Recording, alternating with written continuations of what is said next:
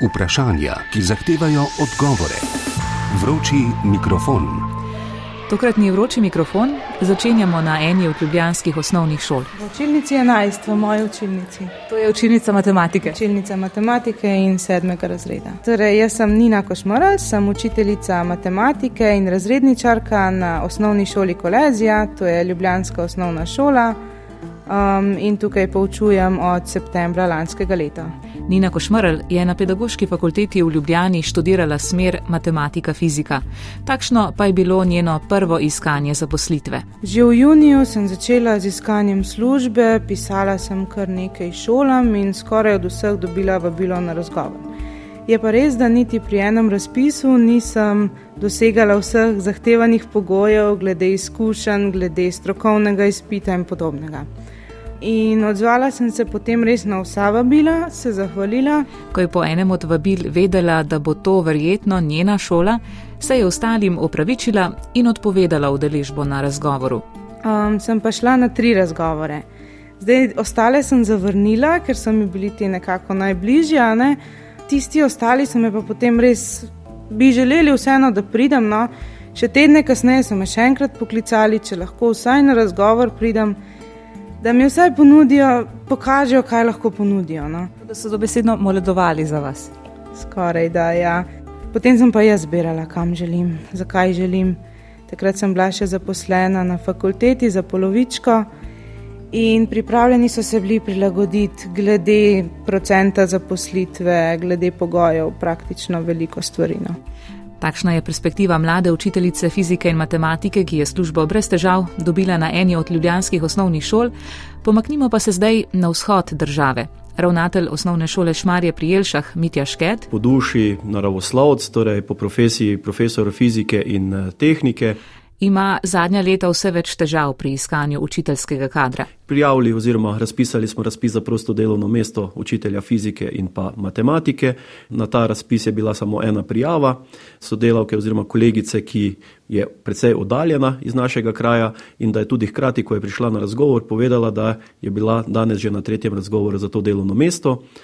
Tik pred začetkom šolskega leta je sporočila, da enostavno ne sprejema, oziroma da iz objektivnih razlogov se je odločila za počevanje na drugi šoli. In ni preostalo druga, jaz pravim, eh, da smo z kolegom pomočnikom, ki smo oba dva fizika, prevzela poučevanje fizike, to se pravi jaz osmi razred, imamo štiri oddelke osmih razredov, to se pravi osem ur fizike eh, in pa kolega devete razrede in da smo ponavljali razpise, na katerih smo bili seveda neuspešni, no, nihče se ni prijavil. Razpisi ste ponujali delo za polni delovni čas. Tako, ponujali smo za polni delovni čas in za nedoločen čas. Tedensko je kot ravnatelj ene največjih osnovnih šol v Sloveniji tako oddelal še dodatnih 8 ur v razredu, polovica od tega brez plačila. In moram povedati, da na začetku je bilo recimo na eno prijavo za razredni pouk ali kaj podobnega prijav okrog 50. Danes, če dobimo eno, dva, smo lahko zelo srečni. In moram povedati, da največ težav je pa zagotovo na področju naravoslavja, računalništva, tehnike, ker vemo, da se vsi nekako naravoslavci odločajo za delo v industriji, ki je tudi boljše plačano v primerjavi z šolskim delom. Kot dodaja, so v izrazito neugodnem položaju manjše šole, ki jih je v od središču daljenih ruralnih regijah Slovenije precej. Zelo težko je dobiti kader širokega spektra, ki ga lahko polno zaposliš, zato si šole med sabo pomagajo. Tako da nekaj našega kadra tudi poučuje v sosednjih šolah. Kakšna pa je starostna struktura učiteljev na vaši šoli? Trenutno je naša starostna poprečje 47 let. Bomo rekli v bodočih oziroma v dveh letih, ki prihajajo, nam bo šlo bo nekje okrog 12 eh, sodelavcev v pokoj in moram povedati, da že načrtujemo oziroma že iščemo kader, ki bi jih zamenjal. Ste optimistični glede tega, da boste dobili v redu kadre na vsa razpisana mesta? Glede, eh, sem večni optimist. Ker prijav na tudi ponovljene razpise ni, so ponekod že prisiljeni sprejemati tudi učitelje iz sosednjih držav in s šipkejšim znanjem slovenščine. Ja, res je, imate pravo informacijo. Tudi v našem koncu, ker smo obmejni konec, bomo rekli, sosednjih šolah, se že soočamo in tudi sam, kot ravnatelj, sem že dobil iz tujine prijave, ampak trenutno še ni bilo potrebno potem. Tako da zagotovo uh, bomo rekli, ker enostavno moramo sprejeti, kar imamo, ker enostavno mi ne moramo učencem reči, pridite drugo leto, ker nimamo kadra. Tako da gasimo, kar že gori.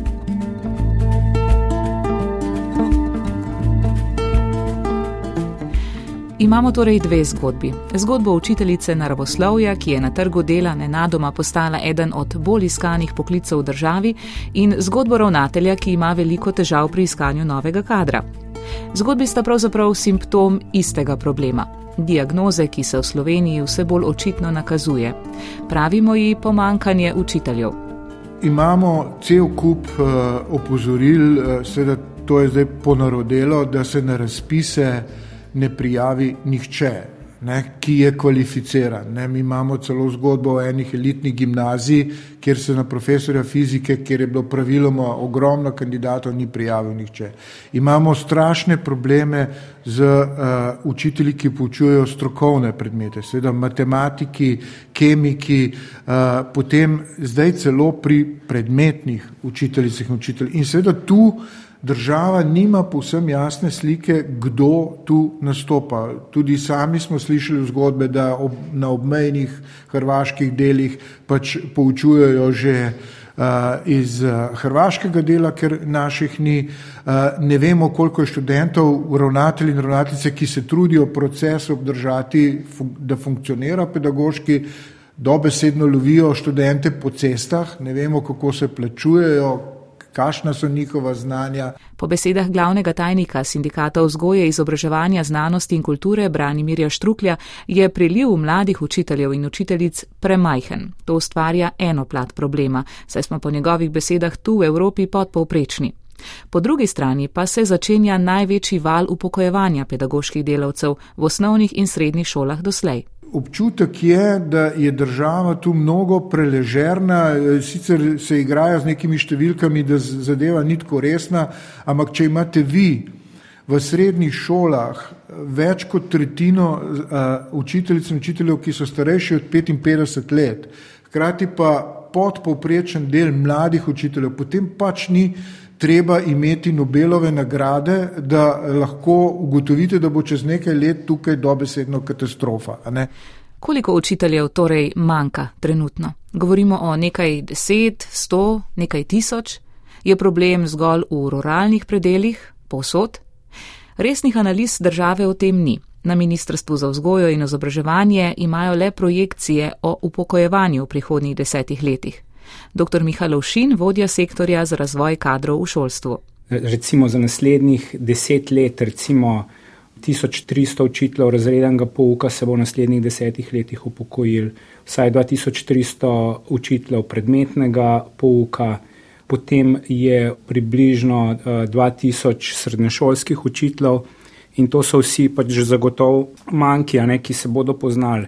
Je pa treba te podatke nujno brati tudi z nihanjem v, v številčnosti eh, živorojenih otrok, se pravi velikosti generacija. Ne? Odgovor sem iskala tudi na Zavodu za šolstvo, kjer podatkov o manjkajočih učiteljih prav tako nimajo. So pa na odseku za področje fizike potrdili, da v zadnjih letih dobivajo vprašanja ravnateljev ali poznajo kakšnega učitelja fizike, ki bi prišel na njihovo šolo. To povpraševanje za kadrom je nov fenomen, opažajo. To vrstnih vprašanj doslej niso prejemali. Ker uradnih podatkov o manjku učiteljev v osnovnih in srednjih šolah torej ni, so se v Združenju ravnateljev osnovnega in glasbenega šolstva iskanja lotili na lastno pest. Pred nekaj tedni so objavili rezultate svoje poizvedbe o manjku kadrov v šolah. Predsednik združenja Gregor Pečan. Pred kakšnim mesecem in pol smo uh, opravili anketo med uh, člani naše zveze, ravnateljev in pomočnikov ravnateljev. Pristopilo je 287 šol. Izkazalo se je, da v tistem trenutku na teh 287 šolah manjka 1400 učiteljev. Torej 1400 ljudi, ki poučujejo na teh 287 šolah, bodi si nima eh, dokončane izobrazbe, večji delež je pa takšnih, ki nimajo ustrezne smeri in potem je pa še kar en precejšen delež študentov, ki nam pomagajo, da lahko delujemo in če zdaj to ekstrapoliramo na celotno število osnovnih šol, ki jih je 456, lahko brez težav izračunamo, da manjka ta trenutek okoli 2100 učiteljev na osnovnih šolah. Toliko strokovno sposobljenih kadrov, torej po pečanovih podatkih, manjka v osnovnih šolah. K temu pa lahko po njegovih besedah prištejemo še po tisoč na srednjih šolah in v vrcih. V celotni vertikali torej skupno čez 4000 učiteljev in vzgojiteljev. Ta delovna mesta pač pokrivajo trenutno ljudje, ki ne izpolnjujejo formalnih pogojev za zasedbo delovnega mesta.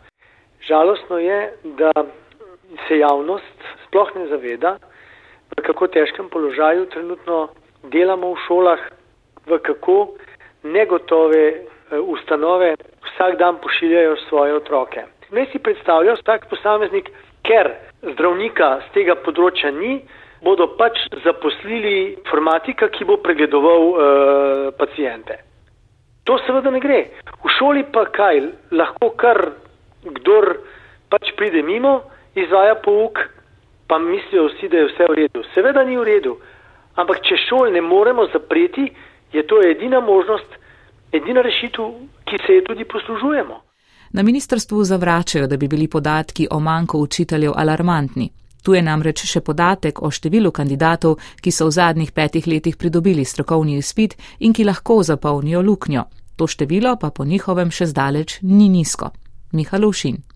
Dejstvo je, da trenutno se pojavljajo manjki učiteljev, ne? če ne šole tega ne bi sporočale. Težava je lahko v tem, ker gre za anketno ugotavljanje in je pač to lahko samo neka ocena. Ne?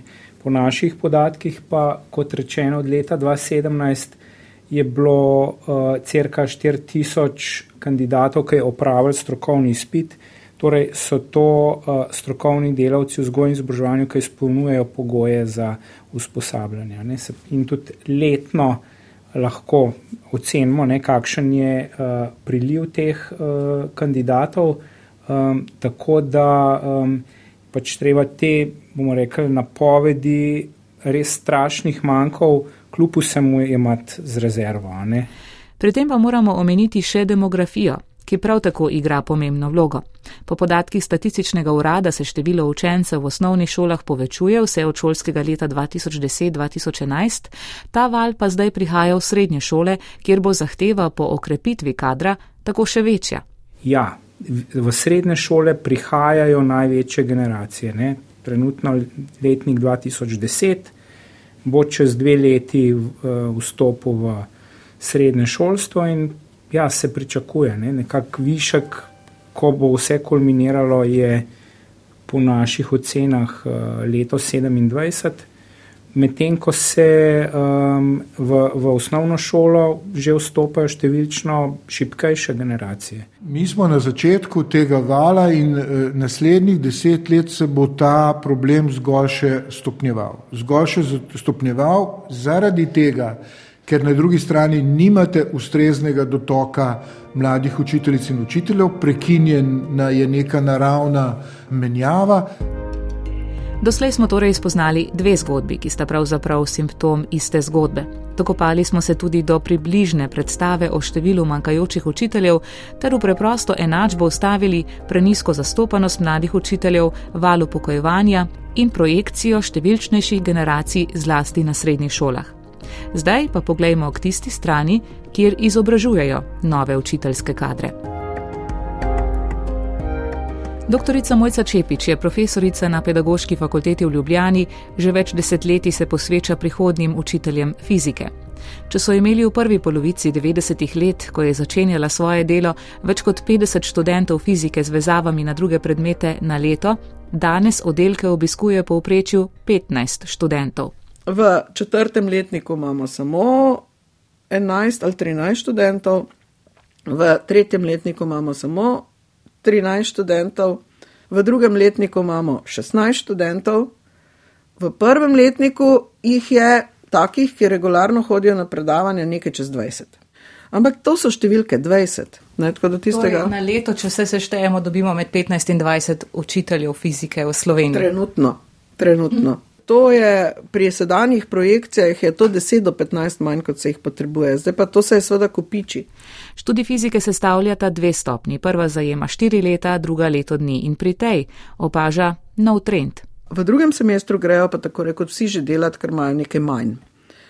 In ko sem jih vprašala, zdaj le pred par dnevi, ker me je nekdo klical, če, da rabijo samo nekaj ur, samo nekoga, ki bi prišel, lahko je študent, lahko je karkoli, kako ne rečem, tudi trznili niso. Vsi že imajo svoje službe, ogledane od februarja naprej, od po počitnicah. Ne? Poleg tega, recimo, en študent na začetku leta je rekel: Joj, bi lahko imeli popovdne predavanja, veste, jaz delam. Nekaj veste, kaj vaša šola vas bolj rabi kot vi njo. Če vam ne uredijo urnika, da boste lahko na predavanja hodili, potem zamenjajte šolo. Naslednji dan je bil na predavanjih, seveda, na predavanjih in rekel: Seveda so mi uredili. Kar tudi ni fajn, tudi ni fajn, da je šola talec nekega učitelja ali pa da je učitelj za noč, pa ga šola ne more odpustiti, ker nikakor ne more nekoga drugega, pa tako naprej. Ne? Mojca Čepič vidi eno večjih napak pretekle politike v odločitvi, s katero je pred skoraj pol drugim desetletjem upeljala pravilo, da lahko v osnovnih šolah vsak predmetni učitelj uči vse predmete, a so odločitev v eni od poznejših vlad spet odpravili. A škoda je bila povzročena, cele generacije novopečenih učiteljev fizike so ostale na cesti, se spominja. Takole povzema eno od tedanjih pričevanj ravnateljev tisti hip, ko sem jaz postavil eno zelo dobro učiteljico razrednega pouka, zato da je učila matematiko v šestem razredu, so se na NPZ-ju poslabšali rezultati dve leti kasneje. V eni šoli iz Maribora so rekli, oh, učitelja tehnike mi nismo videli že deset let, odkar je bilo to dovoljeno. In tako naprej. Ne? No, in kar je bila posledica tega, Hkrati so pa tudi ukinili štipendije. Takrat, v tistih začetnih letih, ko sem jaz tukaj začela, so imeli tako rekoč vsi študenti štipendijo. Področje poučevanja naravoslovja se je torej v preteklosti oprijel ugled slabe zaposljivosti. Če k temu dodamo vse manj popularen učiteljski poklic nasploh in porast konkurenčnih ponudb, je rezultat pričakovan.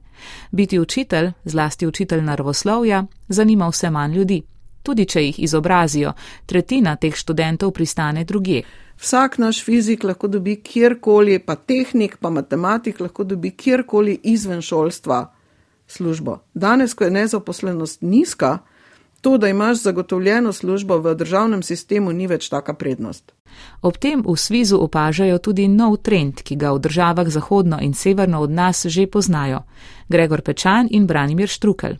Trend, ki se pa na novo pojavlja pri nas, pa ga poznajo eh, v Zahodnji Evropi že nekaj časa, pa je, da mlade učiteljice in učitelji, ki sicer pridejo v sistem, nastopijo službo, začnejo po enem ali dveh letih odhajati, ker je pač delo prezahtevno in seveda preslabo plačano, se odločijo, da odidejo. In to je dolgoročno katastrofalno. Če nam bodo mladi učitelji in učiteljice po dveh letih odhajali, zato ker se jim zdi uh, za ta denar nesmiselno se toliko truditi in biti uh, tako obremenjen pod takim stresom in odgovarjati uh, uh, na tako zahtevne izzive, potem smo v resnici že globoko zavozili. 50 tisoč učiteljev v, v Veliki Britaniji vsako leto zapusti poklic v Ameriki 300 tisoč v zadnjih treh letih. In to je seveda zdaj trend, ki prihaja tudi, tudi bolj na vzhod Evrope in mi smo že sredi tega.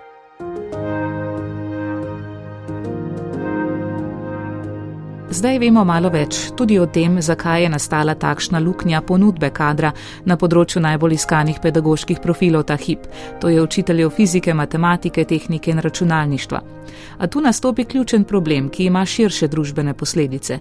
Nan upozarja sogovornik začetka odaje, ravnatelj Šmarske osnovne šole Mitja Šket. Smo včasih tudi uspešno dobivali kader za nadomeščanje kakšnih bolniških, daljših, krajših, ampak na to enostavno več ni kandidatov. Tako da, ko imamo razpis za daljše obdobje ali bomo rekli tudi za nedoločen čas, takrat je še kader, ki je mogoče zaposlen malce dlje od domačega kraja in je to prioriteta oziroma neki plus in tako še lahko dobimo kader, drugače ga enostavno ne dobimo. Kaj pa to pomeni z vedika kakovosti učiteljev, ker zdaj ste najverjetneje šole primorane sprejeti kogarkoli? Res je. E, moramo povedati, da nas to vse ravnatelje in ravnateljice skrbi, da bo kakovost zatem padla oziroma že pada.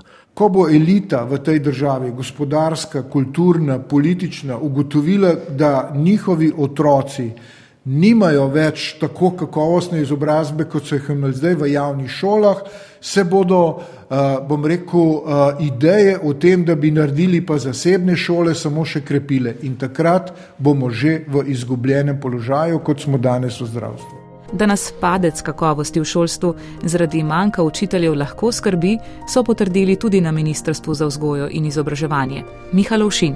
Zavedamo se, zato pač tudi te ukrepe sprejemamo. Ne?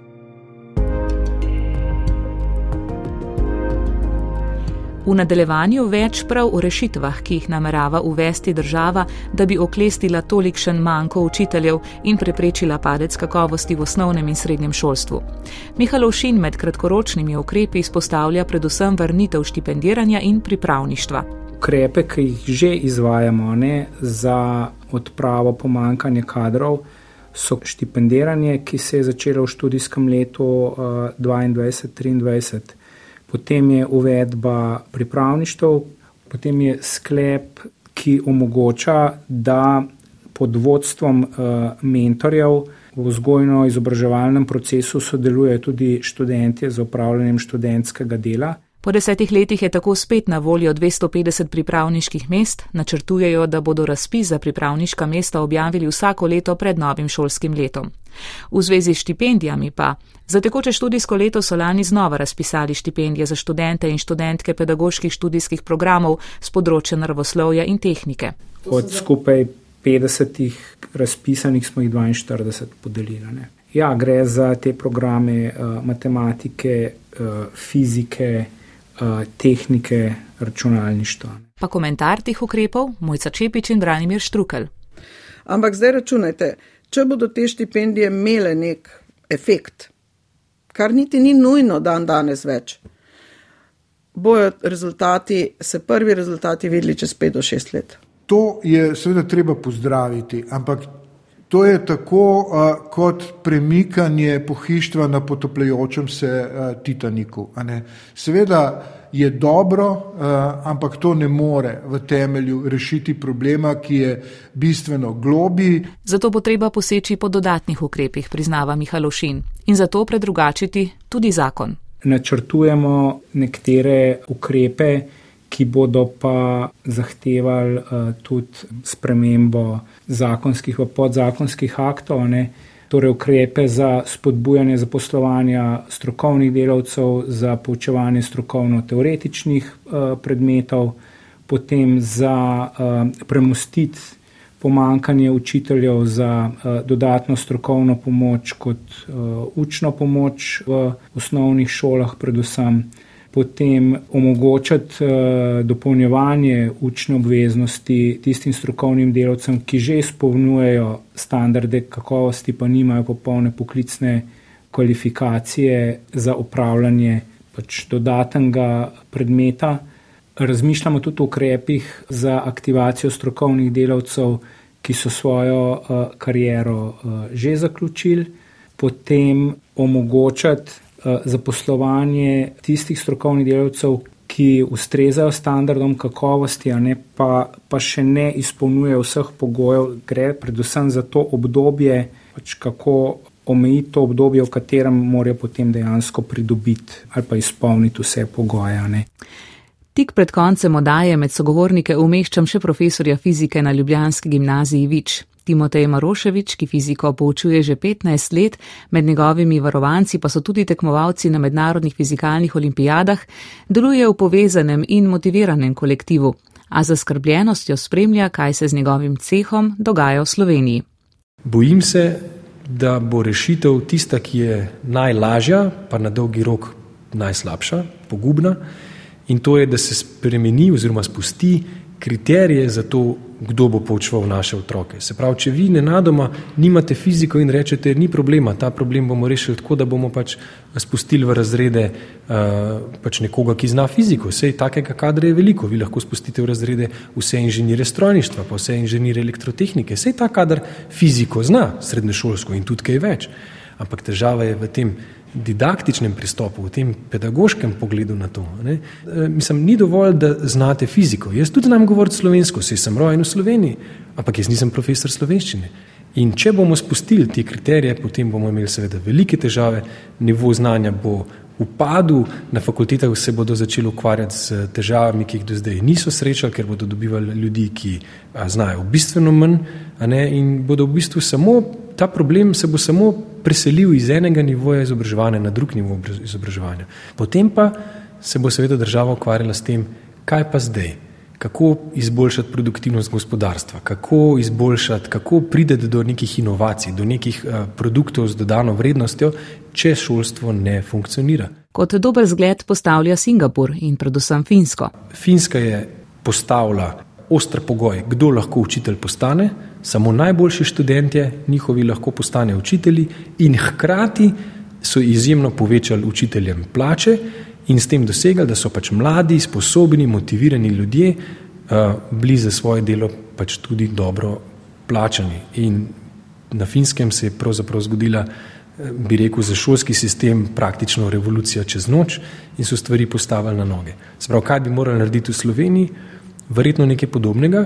Zavedam se, da tak problem eh, ni poceni, se pravi, učiteljev je veliko, to za to državo veliko stane, ampak ključno je spremeniti um, miselnost družbe. Dokler družba gleda na uh, učitelje kot na tiste, ki nič ne delajo in so doma vsak dan ob 12. in imajo tako ali tako dva meseca počitnic, pač ta pogled je zgrešen in je slab in je škodljiv.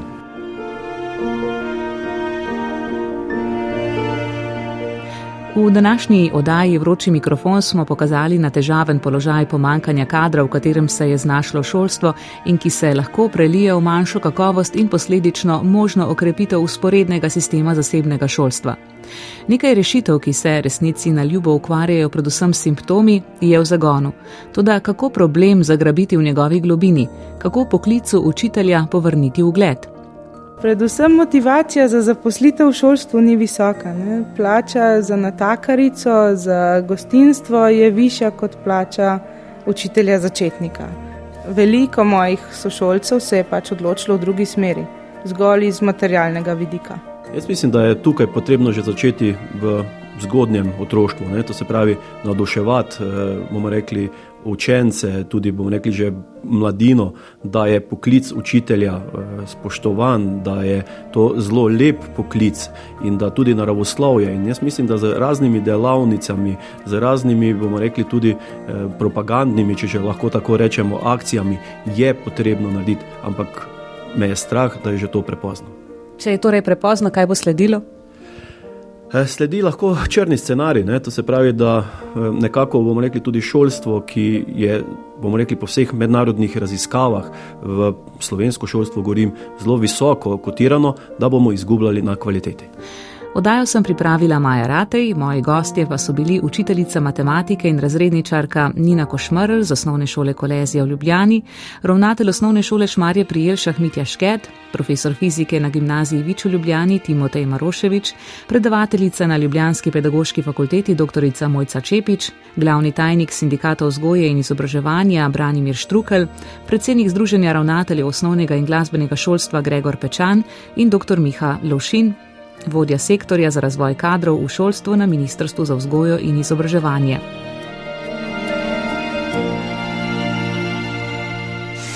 Vprašanja, ki zahtevajo odgovore. Vroči mikrofon.